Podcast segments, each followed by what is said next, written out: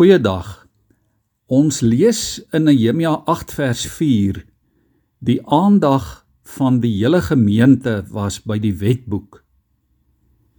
Ja, die muur om Jerusalem is herstel, die deure is gehang, die poortwagte is aangestel en die hele volk het bymekaar gekom en vir Esra die skrifgeleerde gevra om die wetboek te bring waarin die Here se beveel vir die volk opgeteken is. Almal was daar. En die voorlesing uit die wetboek het van sonsopkoms tot in die middel van die dag aangehou. Die hele gemeente se aandag was by die wetboek. Toe Esra die boek oopmaak, lees ons in Nehemia 8 vers 9, het almal opgestaan en diep gebuig uit eerbied vir die Here se woord. Ons lees daar die leviete het uit die boek uit die wet van God gelees en dit uitgelê.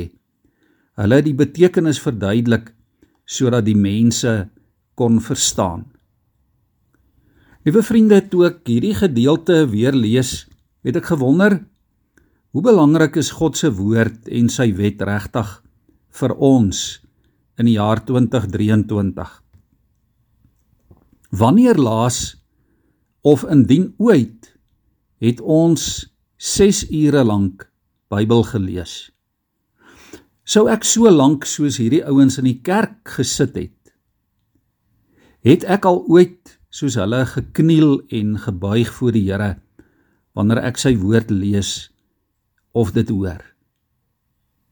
Natuurlik is dit 'n vraag vir elkeen van ons, vir elke gelowige, vir elke kerklidmaat. Die betekenis van die wet is ook vir die mense verduidelik sodat dit nie net woorde op papier was nie, maar sodat hulle dit kon toepas in hulle lewens.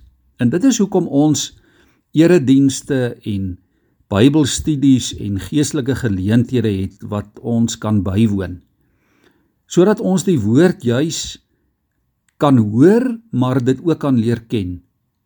Sodat dit ons kan opbou, sodat dit 'n rigting kan gee aan ons lewens sodat ons uit die woord kan leer wat is reg en wat is verkeerd.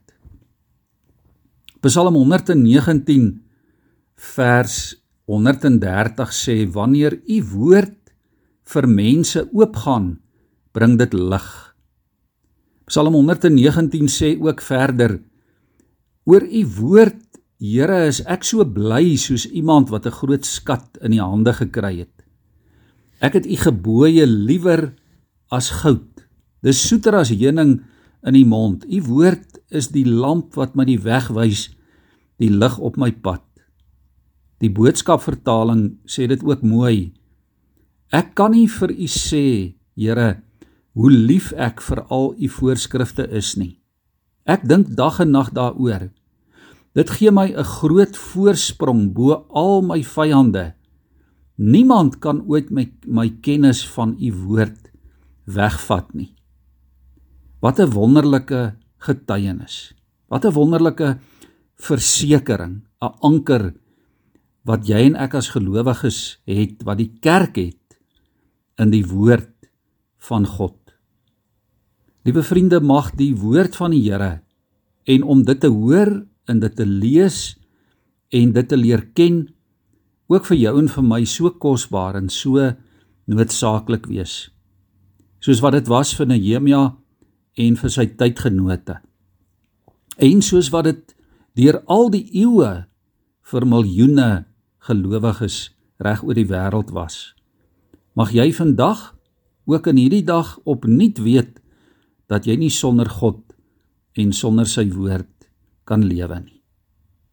Kom ons bid saam. Ja Here, ons het u woord so nodig. Ons bely dit ook vandag. Here, ons het u woord meer nodig as wat ons enigiets anders nodig het. Here, dit is die voedsel vir ons siele. Maar dit is ook die voedsel waaruit ons krag kry om elke dag te lewe, om elke dag besluite te neem en keuses te maak. U woord Gee vir ons wysheid. U woord is die waarheid. U woord is die lig op ons pad. Dit wys vir ons die rigting waarin ons moet lewe. Here, ons leef in 'n wêreld waarin daar soveel opsies en soveel keuses is. Soveel moontlikhede. Ons leef in 'n modernistiese wêreld. Here, daar's soveel alternatiewe.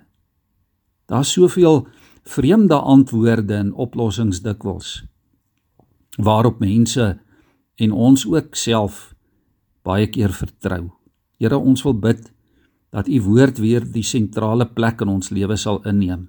Dat een ons harte en ons lewens se liefde sal kweek, Here, deur u gees vir u woord. Dat ons sal ontdek dat ons nie sonder u woord kan lewe nie. Here, dat dit vir ons soos 'n groot skat sal wees waarin ons rykdom is, waarin ons antwoorde vind, waarin ons sekuriteit geborge is. Dis ons gebed in afhanklikheid voor U. Amen.